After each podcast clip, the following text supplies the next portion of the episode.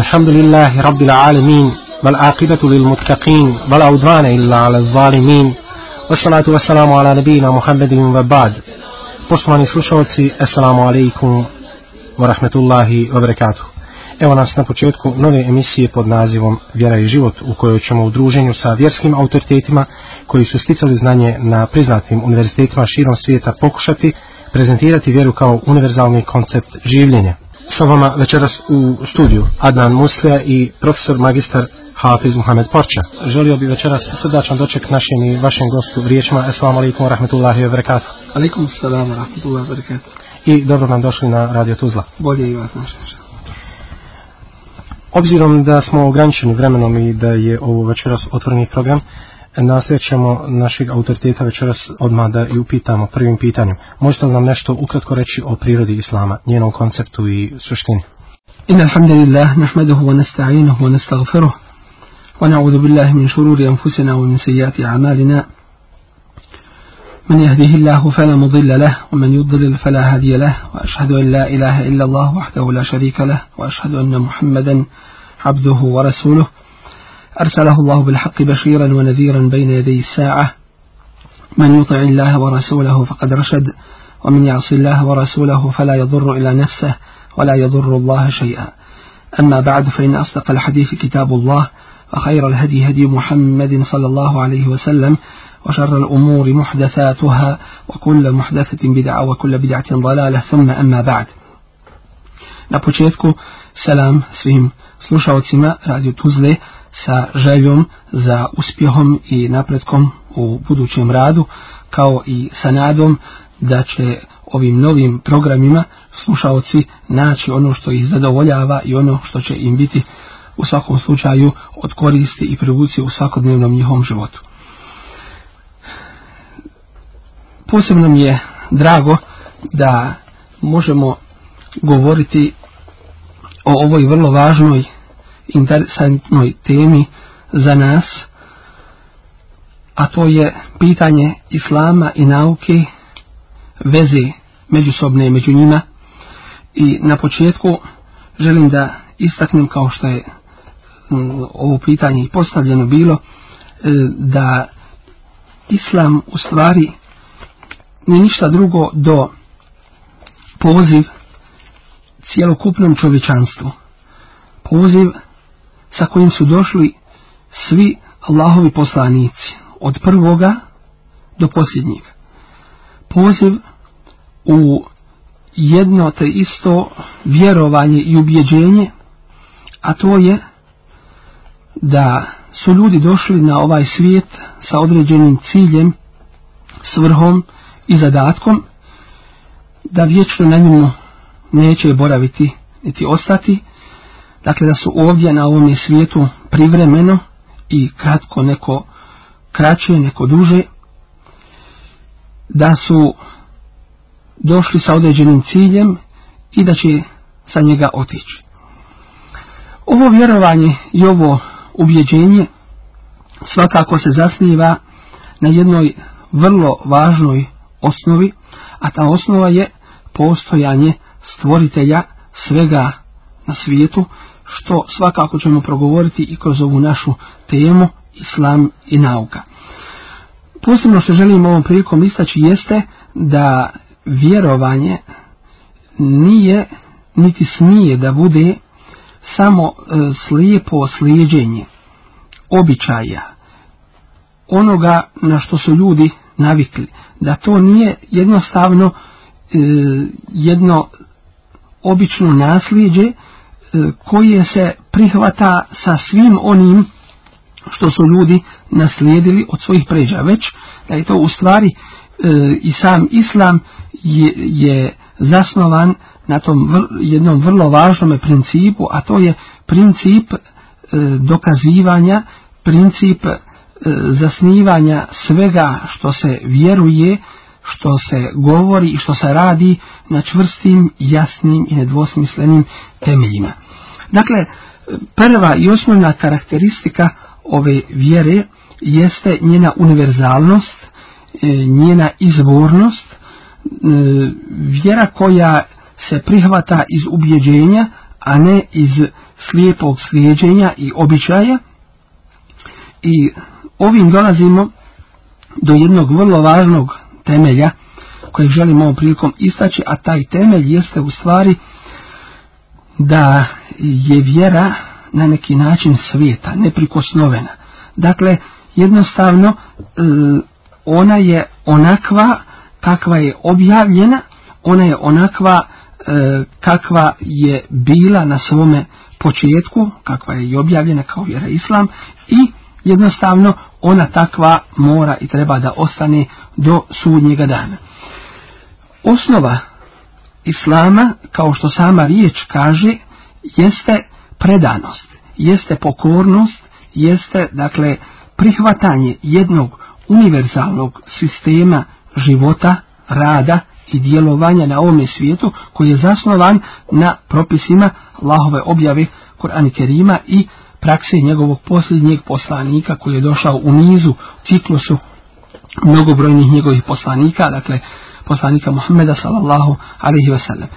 Ova vrlo važna osnova nam ukazuje na činjenicu da je islam jedan cjelokupni sistem rada i života koji nije baziran samo na e, obredima, već jednostavno uređuje cjelokupni uh, ljudski život, sve njegove radnje, sve njegove pokrete, islam uređuje na taj način što mu određuje smjernice onoga što bi trebao da radi i spriječava sve ono što mu je na njegovu štetu. Dakle, islam u osnovi znači pokornost, prihvatanje jednog univerzalnog sistema i zakona, i u ovome konkretnom slučaju to je zakon stvoritelja koji je uspostavio kako zakone u kosmosu po kojima se kreću nebeska tijela, tako i zakone među svojim drugim stvorenjima kao što su ljudi, zatim životinski svijet, biljni svijet i tako dalje. Dakle, sve ima svoje zakone života, postojanja i opstojnosti, a posebne zakone pored ovih spominutih ima čovjek kome je posebna pažnja određena vjerom, to jeste dakle e, da čovjek ne dozvoli da padne na nivo životinje, dakle mora biti na jednom nivou koji dolikuje čovjeku kroz svoj svestrani rad i djelovanje na ovome svijetu.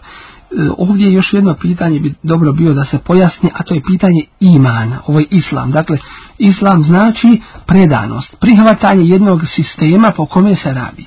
Iman znači vjerovanje. Svakako da islam proizilazi iz vjerovanja. Samim tim što čovjek e, radi svaku svoju radnu koju radi u svom životu po nekom ubjeđenju i uvjerenju. U ovom slučaju, dakle, Islam i pokornost i predanost, prihvatanje propisa, zasnovano je na uvjerenju. A to uvjerenje jeste vjerovanje, to jeste iman, e, vjerovanje i ubjeđenje da su ovi propisi neprikosnoveni i da oni jednostavno su garancija uspjeha, napretka i svake vrste čovjekovog e, održanja jednog nivoa ljudskosti koju treba svaki čovjek da posjeduje. U vašem izlaganju i e, spomenuli ste nešto o znači samoj prirodi islama. Postoji li neka originalna formula ili originalna istina iz koje proizilazi sve druge istine i sve druge formule? Nesumljivo da ona postoji i to je univerzalna istina i tako rekuću formula E, jedan temelj koji važi za cjelokupno čovječanstvo i to je u stvari bio poziv svih Allahovih poslanika koji su dolazili sa Božijom porukom e, čovječanstvu, a to je la ilaha illallah, dakle taj šahadet, poziv u vjerovanje, u e, pokoravanje jednom jedinom stvoritelju, gospodaru, Bogu, svega što postoji, Dakle, vjerovanje u jednoga Boga, vjerovanje u to da je On stvorio sve tako i da je On taj koji neprikosnoveno e, ima pravo na propisivanje propisa na to da uređuje ljudski život. Mi jednostavno vidimo, dakle, iz ovog prvog dijela osnove i temelje Islama, da se ovdje traži slijedženje, ne traži se nikakva inovacija. Kod nas, dakle, nije pitanje da se iznađe neka nova vjera, da se iznađe e, neko novo vjerovanje i neki novi propisi, već je ovo univerzalno vjerovanje i, i savršeno vjerovanje i sistem koji ne dozvoljava bilo kakve promjene. Ka, dakle, kako ne dozvoljava dodavanje na njega, tako ne dozvoljava bilo kakvo oduzimanje od njega. Samim tim, ako bi se ovo desilo, dakle, ova promjena, u tome slučaju se gubi ovaj koncept i gubi se jednostavno ova svetost i zato je uh, u ovom segmentu, dakle, islam nedodirljiv i nije moguće jednostavno bilo kome da u njemu u ovome pogledu ima bilo kakvog uticaja. Drugi dio, drugi dio e, ovoga temelja jeste vjerovanje u Allahove poslanike. E, dužnost je dakle vjerovati u dolazak svih Allahovi poslanika, a slijediti posljednjeg koji je došao u vremenu u kojem mi živimo. Dakle, raditi po propisima posljednjeg poslanika, e, a vjerovati u sve njih od prvoga do posljednjega. Ovdje se dakle postavlja jedno drugo e, pitanje, a to pitanje je u stvari odakle je naše porijeklo i kuda mi idemo. Zašto u stvari čovjek boravi, zašto boravi na ovome svijetu, odakle je došao, koje je porijeklo čovjekovo. Da li je čovjek došao na ovaj svijet da proživi određeni broj godina, da ga nestane, da bude uh, ukopan u zemlju i da istruhne, tako rekuć, i da se više o njemu ništa ne zna, da se njegovo tijelo pretvori u minerale, u proteine, jednostavno da ga više nema ili ima nešto drugo što je svrha i cilj života na ovome svijetu. Da bismo odgovorili na ovo pitanje, prvo treba da se, post, da se postavi pitanje odakle dolazimo. Nesumljivo da o našem postojanju prije našeg boravka na ovome svijetu nema pomene i nema govora. Što znači, mi smo nastali iz, e, iz ništa i nismo prije postojali. Ovdje se postavlja pitanje, e, suštinsko pitanje na koje su mnogi željeli da dadnu odgovor, a to je šta je postanak čovjeka.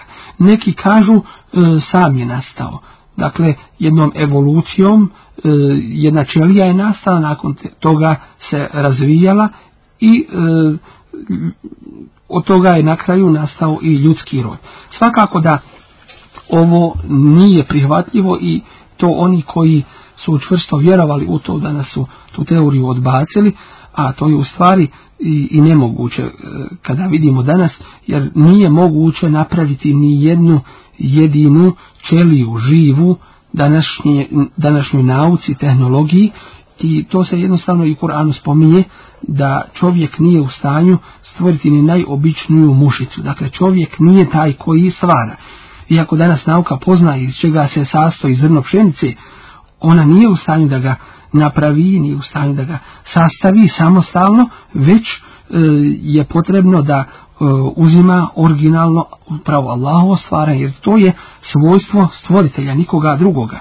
Ono što danas čujemo da e, se radi, kao što je bilo već e, prije rečeno, e, stvaranje čovjeka iz zaprovete, dijeta iz zaprovete ili pitanje kloniranja, to u stvari nije novo stvaranje, to je uzimanje s jedne strane, e, uzimanje onoga što stvario u procesu stvaranja ili uzimanje žive ćelije koja u stvari se koristi da bi se dalje od toga razvile druge ćelije. Dakle, to ni u kom slučaju nije samostalno stvaranje što neki pokušavaju dakle da kažu.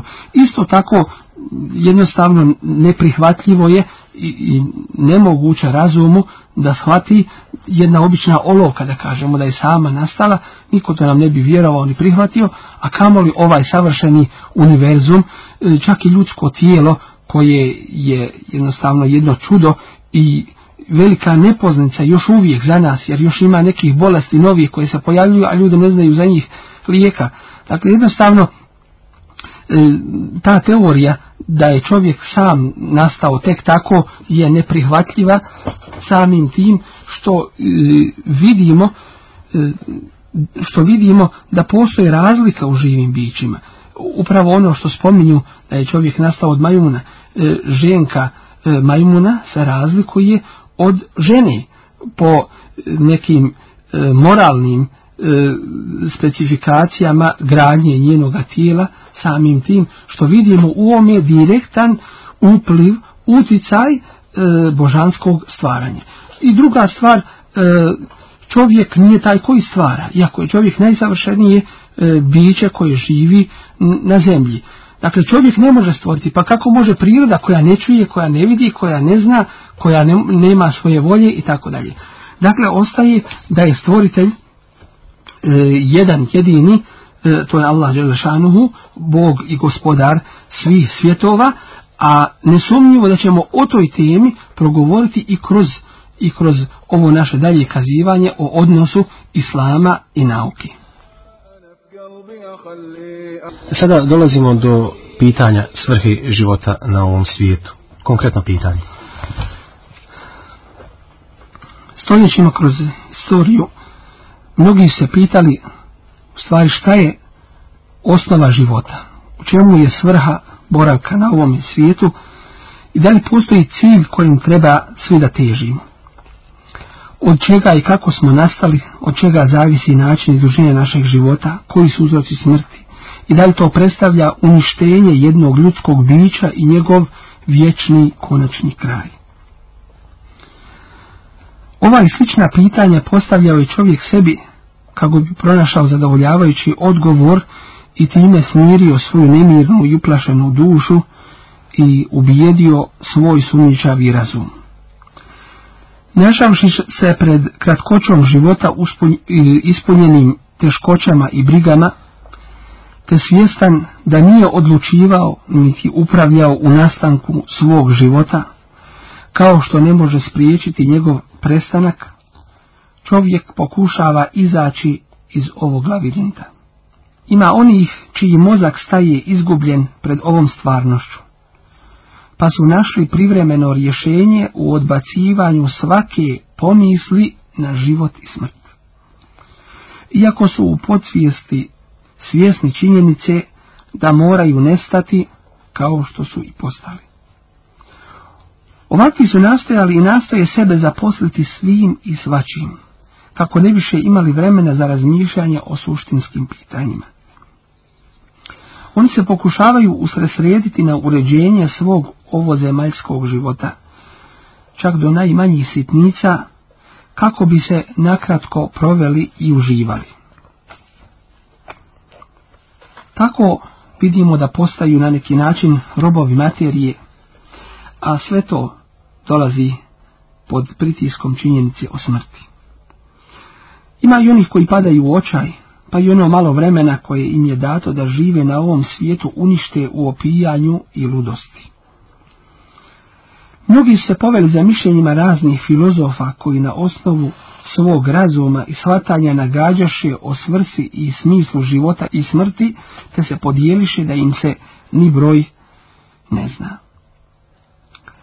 Iz ovoga se nesumnjivo vidi velika potreba čovječanstva za Božim poslanicima, koji vjerno prenesoše poruke i, uput, i upute uzvišenog stvoritelja. Zbog kratkoće ljudskog života, te činjenice da se više neće vrati na ovaj svijet i velike mogućnosti da čovjek skrene sa pravoga puta pod uticajem strasti, neznanja i okolnosti u kojima živi, Bila je Božja milost da šalje svoje časne i čiste poslanike i vjerovjesnike da ukažu čovječanstvo na put spasa i da ih obavijeste o cilju, svrsi i biti ovog života, kao i o smrti i svemu što dolazi poslije nje. Božje objave su jasne smjernice i svjetlo koje daje ljudskom rodu odgovore na sva goruća pitanja od njihovog interesa. Kao što znamo da je nemoguće čovjeku samo da nastane slučajno, niti ovome kosmosu da se uredi bez zakonodavca. Poznato nam je dakle iz druge strane da ovaj naš dolazak na ovaj svijet nije bio slučajan. Dakle, ima svoju svrhu i cilj. Da li je to jelo i piće, provodi uživanje, U svakom slučaju, ako se čovjekov život svede na ovo, onda jednostavno se spušta na nivo životinskog svijeta, tako da upražnjava svoje strasti i protjeve bez poznavanja cilja i svrhe svoga života na ovom svijetu. Nesumljivo da ovako savršen život, uređenje ljudskog tijela, prirode oko nas, cjelokupnog univerzuma nije moglo samo nastati, a čovjek u tome nije učestvovao, tako da je to uredio stvoritelj koji se obznanio, koji se predstavio čovječanstvu i koji je o sebi rekao preko svojih poslanika. Svakako da e, u ovome kontekstu smo obaviješteni kroz Allahovu objavu da je cilj i svrha ljudskog života pokornost i badet uzvišenom stvoritelju Allahu tabaraka wa ta'ala. Što znači da svoj život uredimo i podredimo u skladu sa njegovim propisima i njegovim principima koje nam je on uzvišeni lično odredio. U tome na neki način e, je velika počast čovjeku da je njegov e, stvoritelj Allah tabaraka wa ta'ala sobom lično odredio mu propise koji će mu biti garancija za njegov e, uspjeh i e, za njegov napredak. U ovome smislu i u ovome e, kontekstu vrlo važno je da se napomeni jedna e, činjenica, a to je da zakoni koji su propisani vjerom jednostavno su savršeni jednostavno e, ne ostavljaju nijedno pitanje u ljudskom životu e, koje je korisno čovjeku, a da ga ne propisuju, niti nijedno zlo, a da ga ne zabranjuju. Dakle, u ovome smislu, u ovome kontekstu vidimo da je islam jednostavno e, uređenje ljudskog života po volji, želji i e, principima koje poznaje onaj koji nas je nesomljivo stvorio. To je u stvari ibadet e, e, to je pokornost stvoritelju i to je e, temelj i suština ljudskog života na ovome svijetu i po tome će čovjek biti pitan, biti pitan na ahiretu, to jeste na budućem svijetu. E, kakav je taj budući svijet? E, drugim riječima mogu, neko, mogu neki pitati koga je vidio, ko se vratio s njega i tako dalje. Odgovori nije se niko vratio i ne treba nikoga čekati da se vrati na ovaj svijet koji je otišao na budući svijet. E, jednostavno, e, ovaj život na ovome svijetu je jedna prolazna stanica do budućeg svijeta, do ahirta gdje će čovjek polagati račun za ono što je radio i biti pitan o svome znanju, da li je po njemu radio i to ovom je znanju e, Allahovih zakona i propisa o imetku odakle ga je stekao i gdje ga je potrošio, bit će pitan o svome životu, o vremenu u šta ga je potrošio i bit će pitan o e, svojoj mladosti, to jeste o snazi u šta mu je ta snaga otišla. Prvo pitanje na sudnjem danu svakako pitanje namaza, pitanje e, ovih ibadeta kojima smo zaduženi. E, ovdje je drugo jedno pitanje na koje treba odgovoriti, a to je kako čovjek kad se raspadne, kako je moguće da se ponovo e, u životu pojavi, odgovor na to je onaj koji je čovjeka prvi put iz ništa stvorio, nije mu teško ponovo da ga stvori, nije mu teško ponovo da ga u život vrati, pa ako čovjek sumnja sada da živi na ovome svijetu, neka onda sumnja i u proživljenje poslije smrti, jer mu je već jedan put pokazano i dokazano da je moguće da živi i da bude proživljen iz ništa, tako da u to nema nikakve sumnje, a to je u stvari i konačna pravda koja se nikada na ovome svijetu ne može zadovoljiti. Da priđemo ni na suštinsko pitanje naše večerašnje teme, a to je kakav je odnos islama i nauke. I islam i nauka u stvari imaju jedno porijeklo. E, nauka pod e, tim pojmom želim istaći da e, ovdje u ovome slučaju govorimo samo o naučnim činjenicama, o e, dokazanim stvarima, govorimo dakle o onome što je provjereno i potvrđeno e, i u što nema nimalo sumnje, ono što je dakle otkriveno od zakona, od principa koji vladaju e, dakle u društvu, zatim e, zakona uopšte u prirodi i u kosmosu. E, ovdje ne želim da govorim o nauci kao o pretpostavkama, o e, nečemu što još nije e, dobilo svoj e, E, svoju konačnu verifikaciju u naučnim krugovima, dakle što nije potvrđeno, već samo govorimo o onome što, dakle, što e, je jasno i što je dokazano. S druge strane, vjera isto tako je zasnovana na tom principu. Dakle, islam radi na tome da e, ljudima prenese božansku poruku, Allahovu poruku koja je savršena, univerzalna i trajna do sudnjega dana, nepromjenjiva. U ovom slučaju, dakle, imamo e, dvije stvari koje imaju jedan te isti izvor. A to je uzvišeni stvoritelj Allah tabaraka wa ta'ala. E, tu nam se spominje i u Kur'an Kerimu kao i u praksi posljednjeg Allahovog poslanika Muhammeda sallallahu alaihi wa sallam. Što se tiče Kur'an Kerima, e, Allah nam nagovještava da će nam pokazati svoje ajete, I kaže, se nurihim ajatina fil afak. Mi ćemo im pokazati naše ajete, u ovome slučaju dokaze, e, potvrdu i tako dalje, e, u svemirskim prostranstvima. Wa fi anfusihim, a i u njima samima. Hatta je tebejena lahum ennehu l'haq. Dok im potpuno ne bude jasno da je on istina.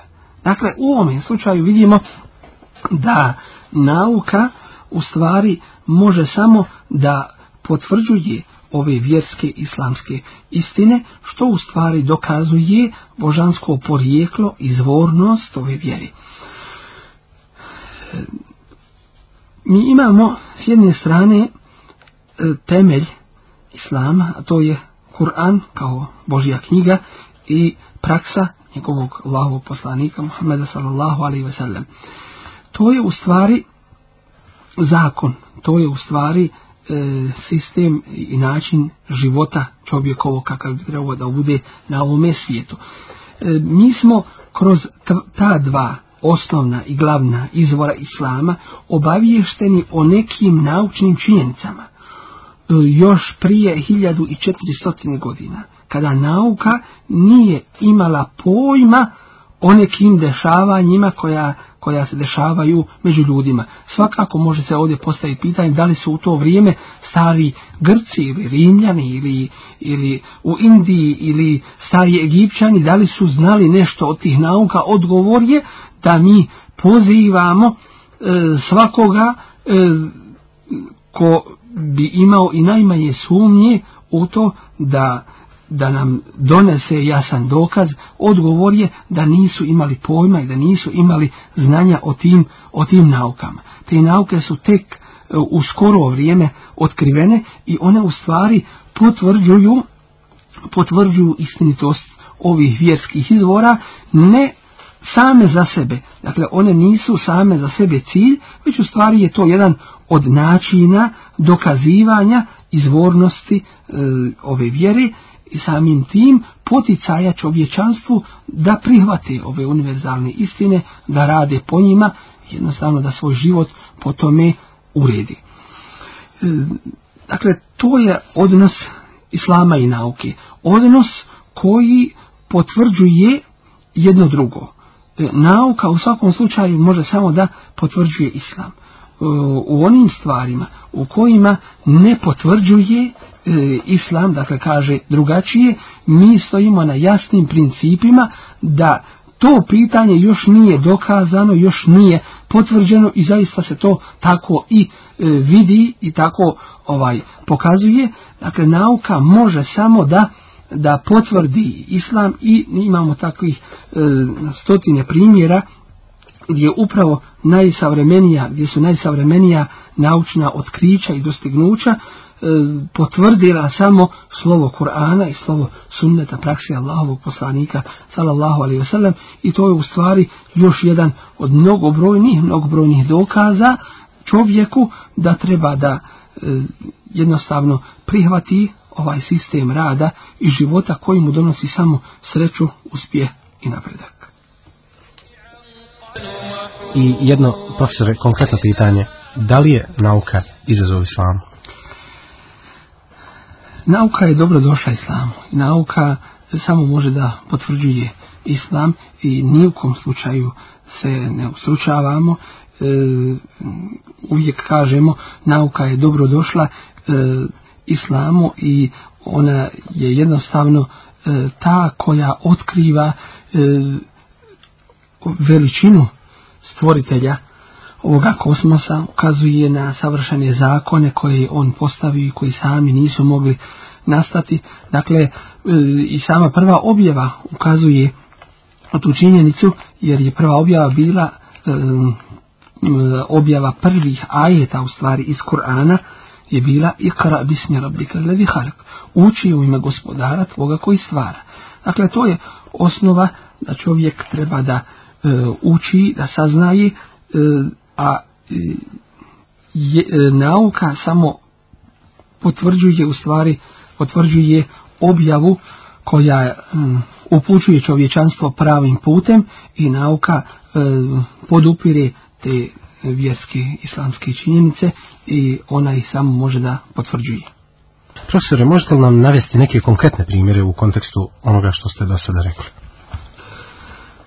svakako da ovih primjera e, ima dosta i mi nismo ovom prilikom e, u, u situaciji mogućnost da i sve spomenemo, ali možemo iz pojedinih nauka, iz pojedinih oblasti spomenuti ono što je jasan i očit dokaz e, izvornosti ove vjeri. Jedan očit primjer da mi je svakako e, poznati istražitelj, poznati naučnik e, Kusto Kusto, Eh, on je eh, istraživao tajni mora eh, i u jednom području Crvenoga mora kada je ispitao kakvoću morske vode, njenu gustinu, slanoću i druga svojstva, prešao je u drugo i ispitavši te druge osobine, naišao je na jedno područje koje odvaja ta dva mora jedno od drugoga. Zaista je bio ushićen tim svojim pronalaskom i odmah je e, dostavio svjetskim e, agencijama e, to svoje otkriće, dok mu jedan s njim more plovac koji je bio prisutan na istome brodu, jedan musliman koji je isto tako govorio francuskim jezikom, pokazao prijevod Kur'ana na francuski jezik i, i rekao mu da ti e, kažem nekoliko ajeta i čestitam na tom tvome otkriću, nekoliko ajeta iz Korana i onda mu je rekao kuranski ajet Maređal Bahreini jel taqijani bejnehuma barzahu la jevlijan on, sa, on e, sastavlja dva mora između kojih je pregrada da ne mogu prijeći jedno u drugo ovaj je e, zaprepašten rekao čiji je to govor, ko je to rekao,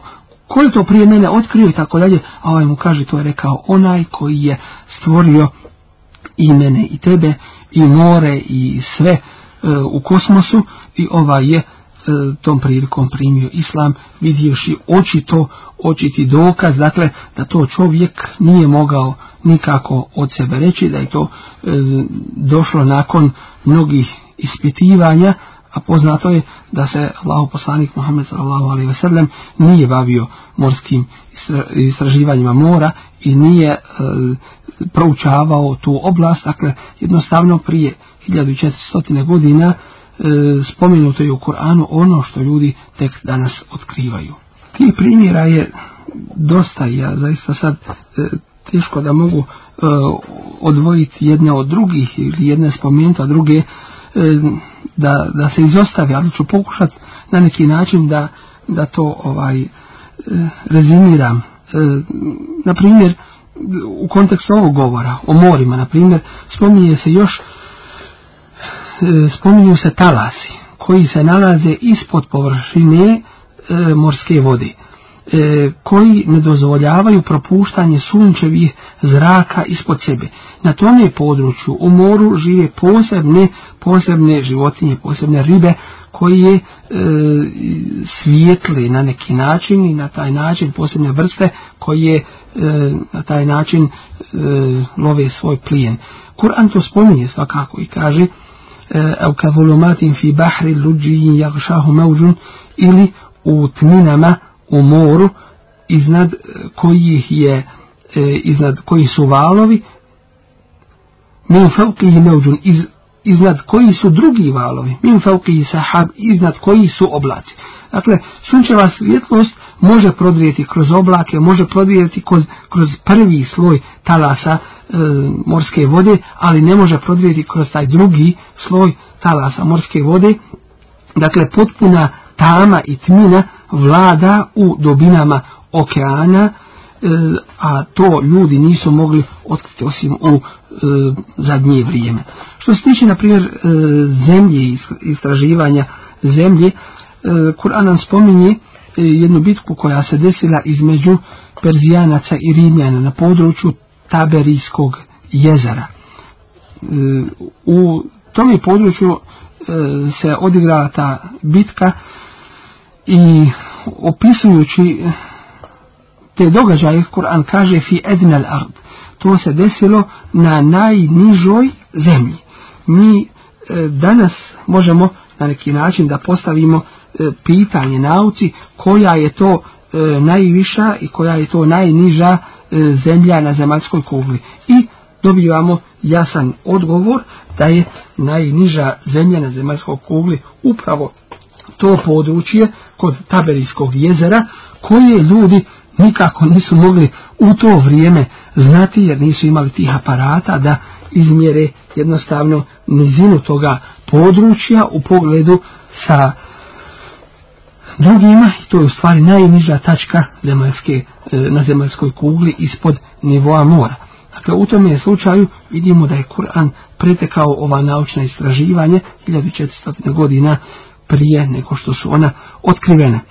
Isto tako nam spominje Kur'an e, da kada bi e, se otvorila zemlja, da bismo vidjeli zemlju kako se kreće, da je jedna e, masa pokretna, jedna lava, a u stvari to je danas i naukom potvrđeno i dokazano da na nekih 70, 80 ili najviše 100 km u dubinu zemaljske kugle dole je jedna pokretna lava lava e, koja nekada prodre e, na površinu zemlje i to su u stvari vulkani i, i to je jedan vid nastajanja planina i kad smo već kod planina Kur'an nam isto tako to spominje da je njihova uloga u stvari da učvršćuju zemlju da se ona ne bi kreta da se prilikom svoga kretanja da se ne bi tresla jer pored svih uslova koje E, čovjek ima na zemlji ako ne bi samo ovo imao, a to je sigurnost boravka,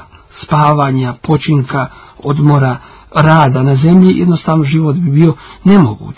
Dakle, spominje nam da ta brda imaju, da ta brda imaju svoj korijen, wal džibala ersaha, i e, brda smo učvrstili, o, na drugom mjestu se spominje i kaže, ente mide bikum, da e, budete stabilni na zemlji, dakle, da, da ne budete nesigurni. E, jednostavno sva ova e, istraživanja današnja koja se utvrđuju kroz nauku vidimo u stvari da jednostavno potvrđuju ono sa čime je došao Kur'an, a to nije nešto e, novo i to nije na neki način e, nešto što je nesfatljivo jer onaj koji je objavio Kur'an je isti taj koji je stvorio sve ovo i koji je uspostavio zakone i to, to je e, to je dakle taj jedan jedinstveni princip koji vlada e, u kosmosu. Profesore, čuli smo da postoji i naučna otkrića u kosmosu o kojima je Kur'an govorio još prije 1400 godina. Da li postoji i šta nam možete reći u tom kontekstu? Tačno postoji, dakle, dakle e, te činjenice naučne koje potvrđuju kuransko ukazivanje o ovim Allahovim e, stvaranjima i ovim čudima u kosmosu. Svakako ovim želim da napomenem da ovo o čemu govori Kur'an, sunneta Allahovog poslanika Muhammeda sallallahu alaihi sallam, a nauka tek danas potvrđuje, u stvari to nije samo za sebe cilj. To je u stvari sredstvo da bi ljudi preko toga vidjeli veličinu svoga gospodara da bi im se dokazalo jer upravo e, po razumu čovjek se razlikuje od, od, od drugih e, bića istvorenja na zemlji.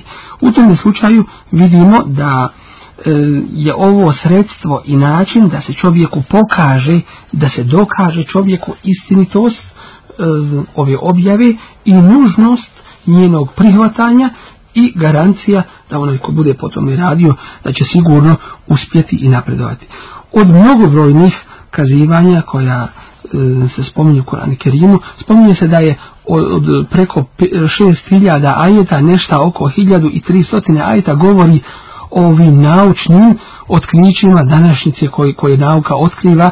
Dakle, Kur'an prije 1400 godina govori o, o ajetima koji prelaze cifru od 1300 ajeta o tim naučnim dokazima istinitosti islama. Što se tiče e, kosmosa, što se tiče univerzuma, e, spominje se više tih primjera od kojih je e, kuranski ajet o sama benena habi eidin wa inna le musijun.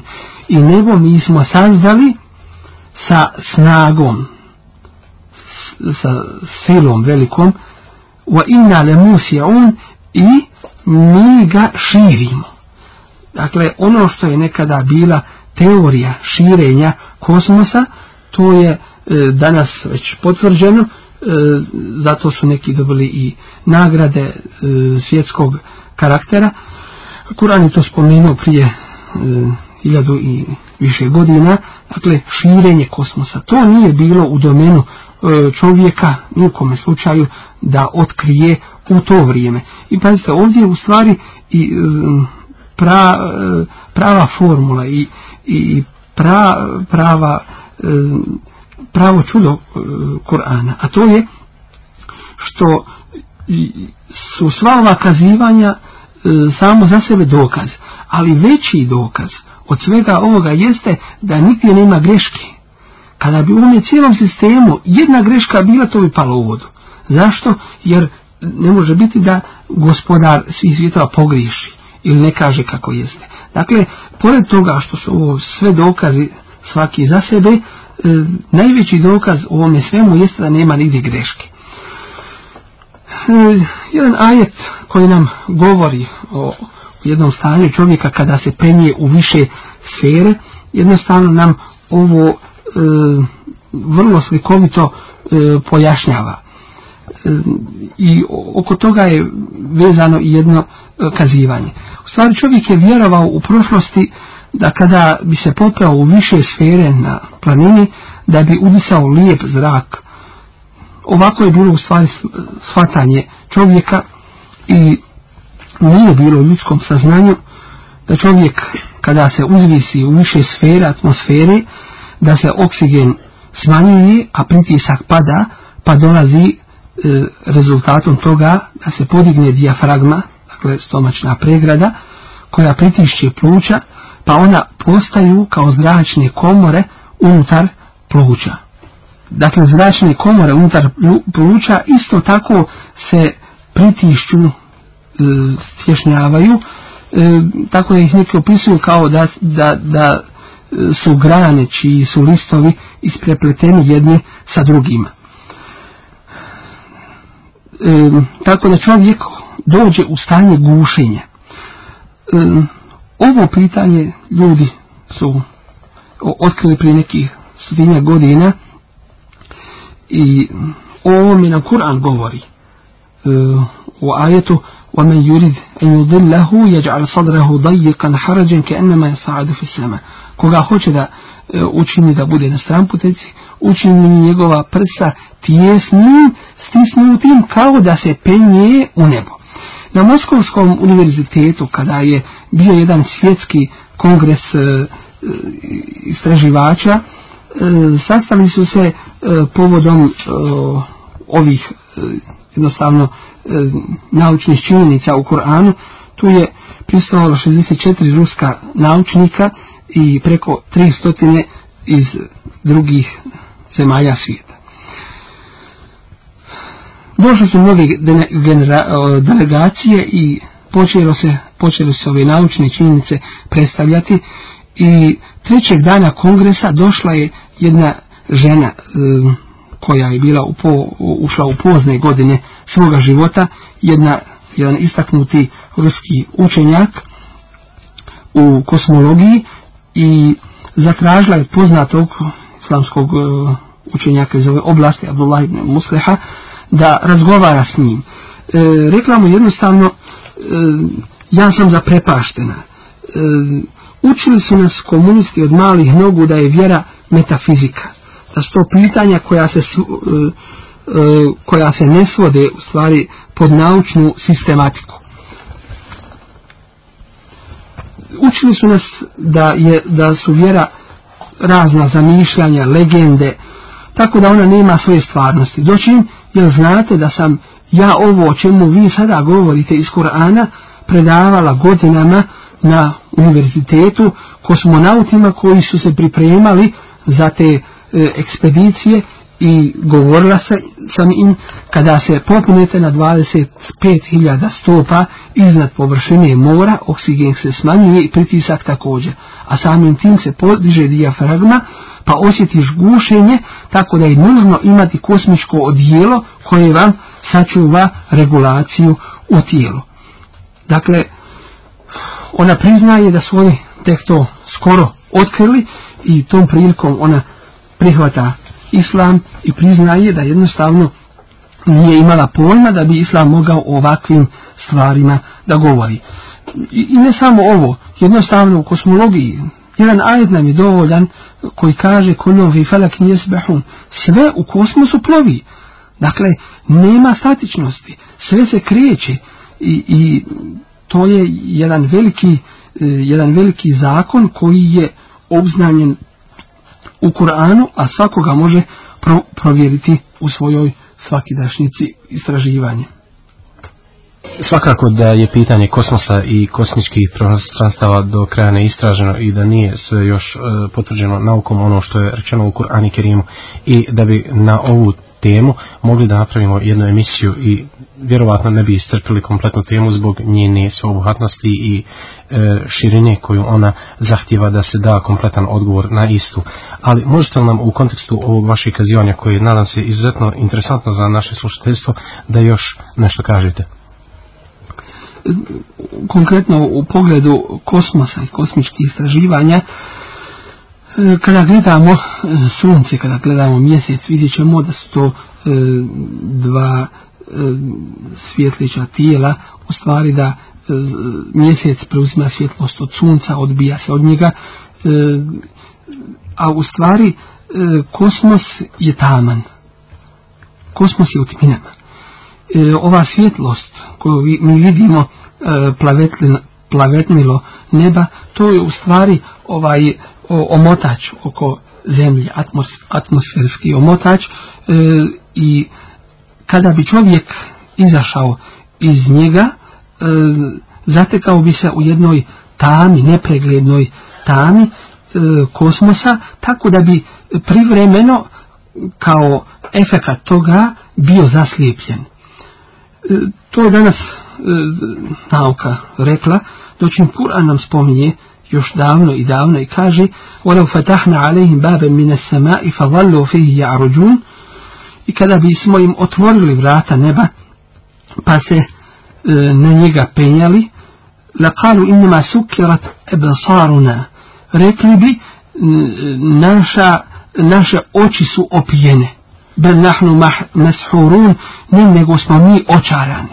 Dakle, jednostavno, ne, ne možemo više da vidimo, to je taj efekat koji se spominje u Kur'anu, kada čovjek izlazi iz ovog atmosferskog omotača u tu nepreglednu tminu kosmosa.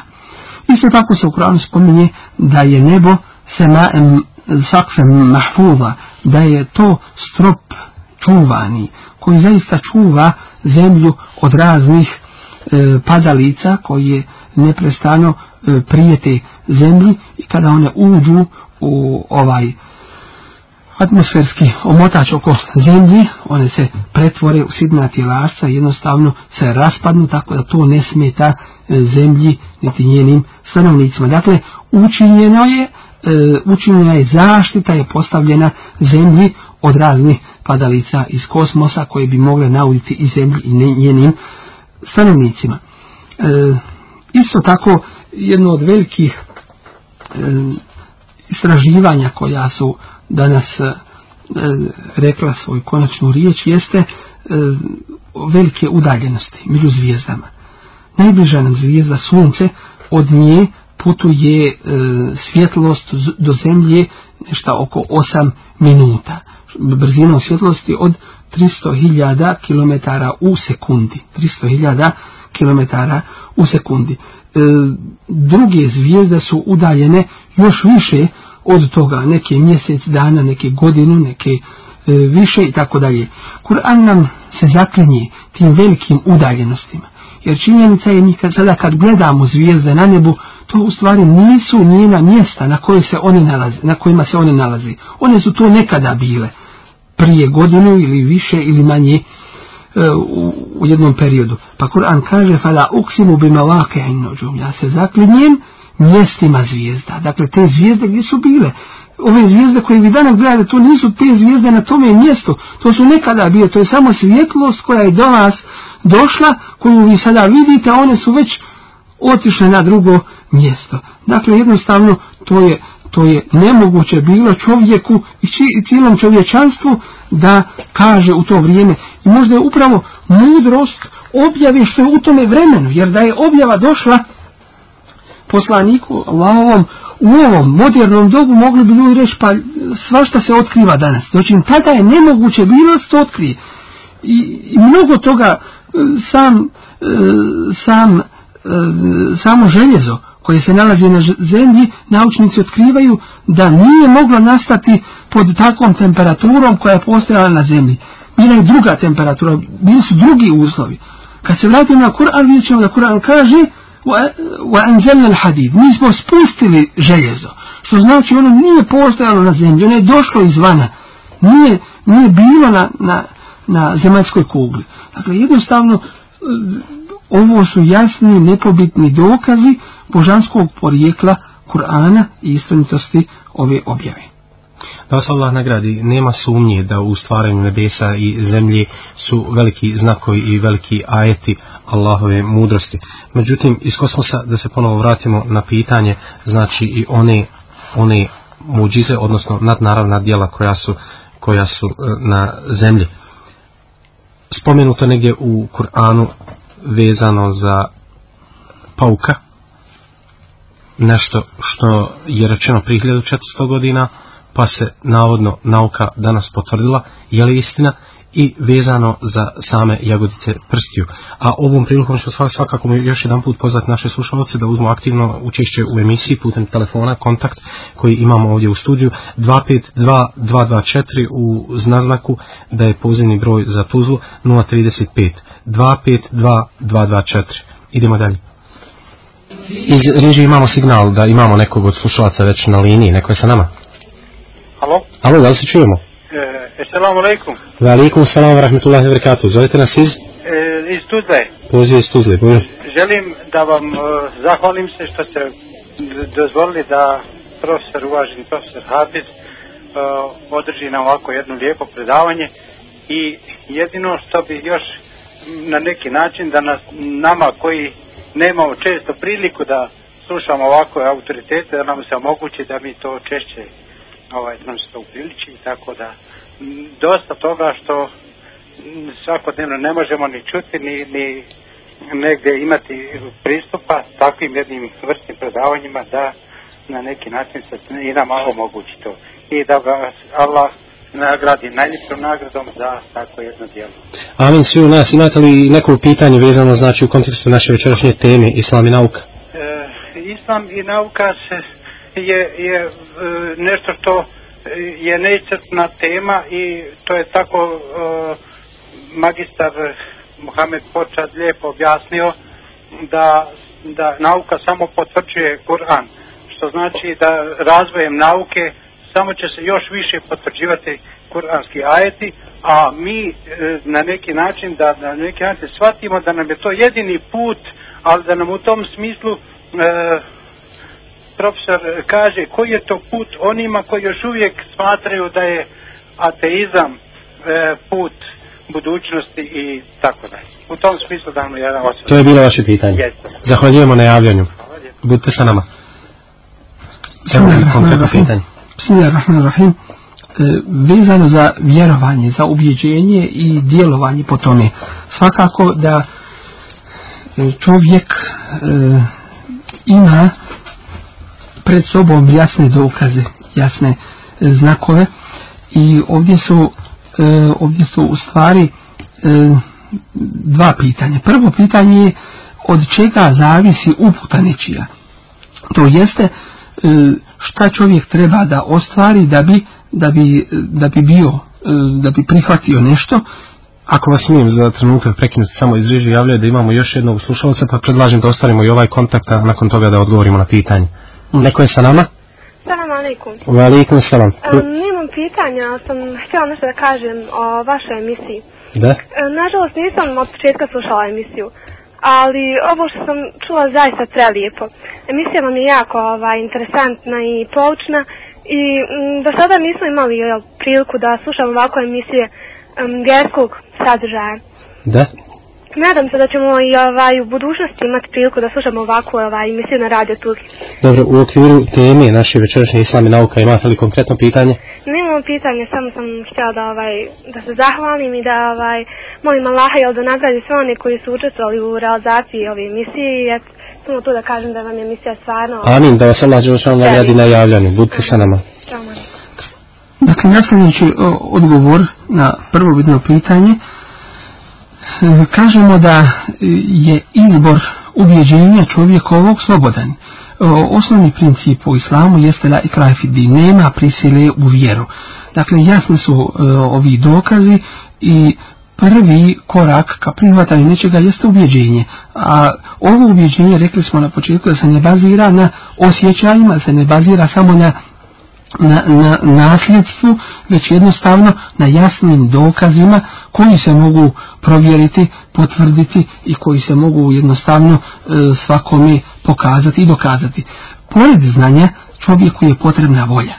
Dakle, ima ih koji će saznati nešto, ali neće po tome da radi zato što im to ne odgovara, što hoće da budu na neki način e, po sebi po volji da radi i tako dalje. U svakom slučaju na nama je da prinesemo i ovom prilikom jednostavno želimo da e, upoznamo sve oni koji e, hoće da upoznaju e, islam sa izvora, da je u stvari nauka potvrda ove vjere i da se mi ponosimo svim onim što nauka kaže potvrđujući istinitost izvornost ove vjere. Imamo signal nekog ponovo na liniji, imamo. Selam alejk. Veliku selam. E, ja bi samo da se da selamim Hafiza i da ga Allah nagradi.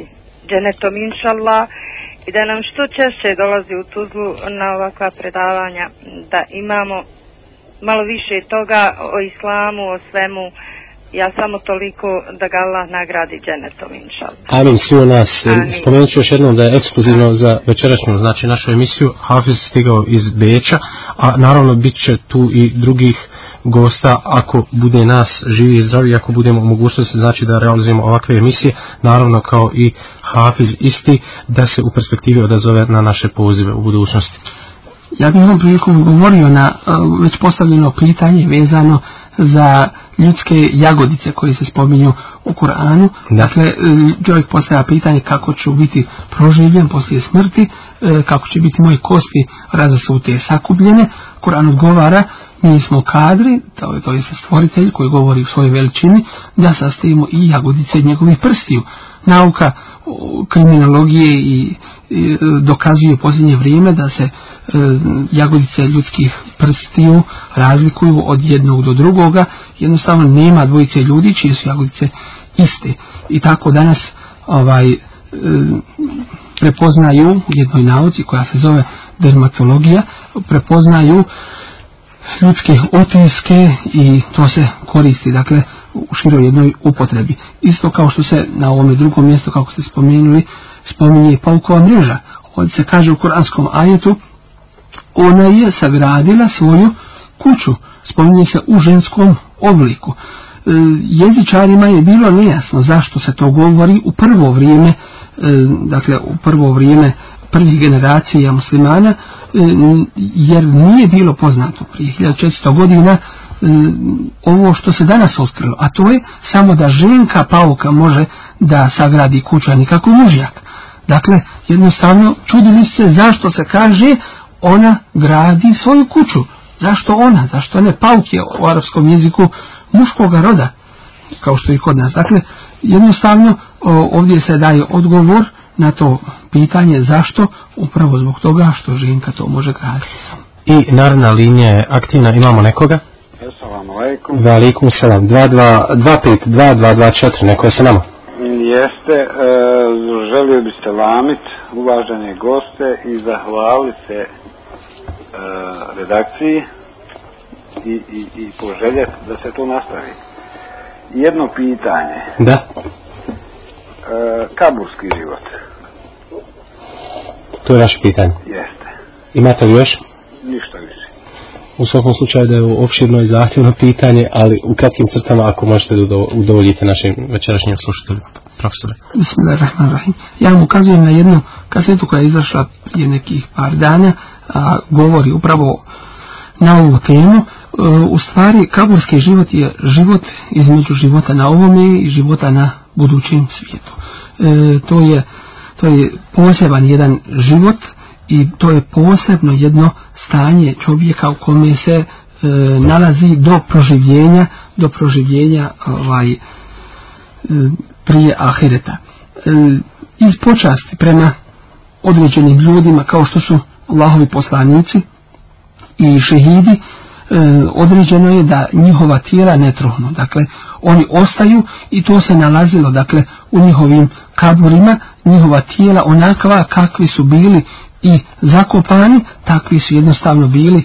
i takvi su e, bili kasnije i pronađeni. To ne znači, dakle, ko istruhne u, u svome kaburu da, da ne valja, ali ovo je posebna, hoću da kažem, posebna odlika Allahovim poslanicima i šehidima koji imaju najveći stepen šehadeta. E, dakle, to je jedan poseban život, zagrobni život i e, ja vam ukazujem na e, kasetu koja je izašla na tu temu skoro, kao i na knjige koje govore o toj temi kao što je po pravog muslimana, kao što je e, bistro more po božnosti, dakle naćete u tim knjigama ono što vam podrobnije govori o, o kaboru. Imamo ponovo nekog na liniji 252224 aktivna linija večeras. Assalamu alaikum. Wa alaikum salam. Htio bi vašem cijenjenom gosta postoje jedno pitanje. Da li je islamska nauka dala svoj sud o mogućnosti postajanja sličnih svjetova kao što ovaj naš, negdje u dubinama svemira? Bismillahirrahmanirrahim. Odgovor je da e, što se tiče drugih e, zemalja koje bi e, postojale mimo ove zemlje ne postoji. Svi poslanici koji su došli, svi objave koji su objavljene bile su na ovoj zemlji. Istina je da Kur'an govori kao i sunet Allahovog poslanika sallallahu alaihi sallam da govori o sedam nebesa i sedam zemalja, isto toliko zemalja, dakle sedam zemalja. Ovi sedam nebesa jeste sedam e, katova nebesa, e, od prvoga do sedmoga. Između njih je razdaljina od 500 godina. I to je precizno e, određeno hadisima e, s jedne strane, a što se tiče zemlje, se, e, to je u stvari sedam katova zemlje ove zemlje na kojoj mi živimo. Ne postoji, dakle, druga zemlja u kosmosu kojoj dolaze objave i na kojoj žive druga ljudska bića.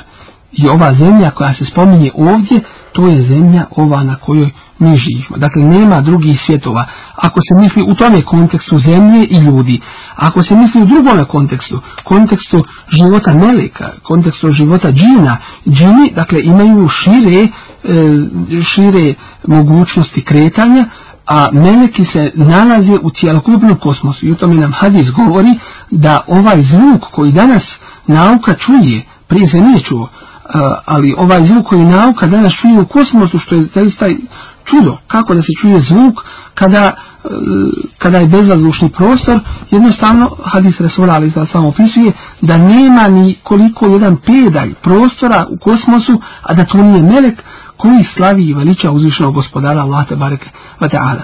Dakle, to je taj svijet koji postoje, ali ljudskog svijeta mimo ovoga nema. Obzirom da smo na samom isteku, isteku današnje, današnje odnosno večerašnje emisije, e, ostaće nam otprilike da i, uputimo kratki rezime naše večerašnje e, teme islam i nauka ostavljamo pro, prostora našem profesoru otprilike minutu dvije da rezimiramo i da odjavimo našu večerašnju emisiju želio bi još nekratko da istaknem da e,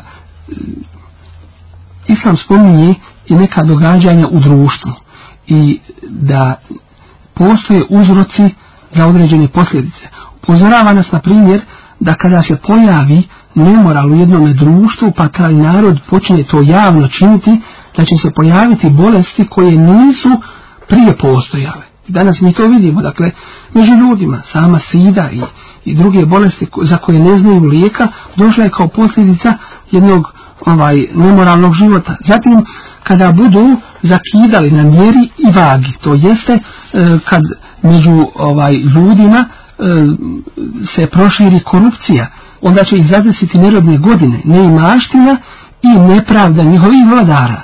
Dakle, to su neke naučne činjenice koje Kur'an spominje o, iz nauke o društvu, koje su neminovne i nužne da se znaju, da se istraže i da ljudi toga budu svjesni.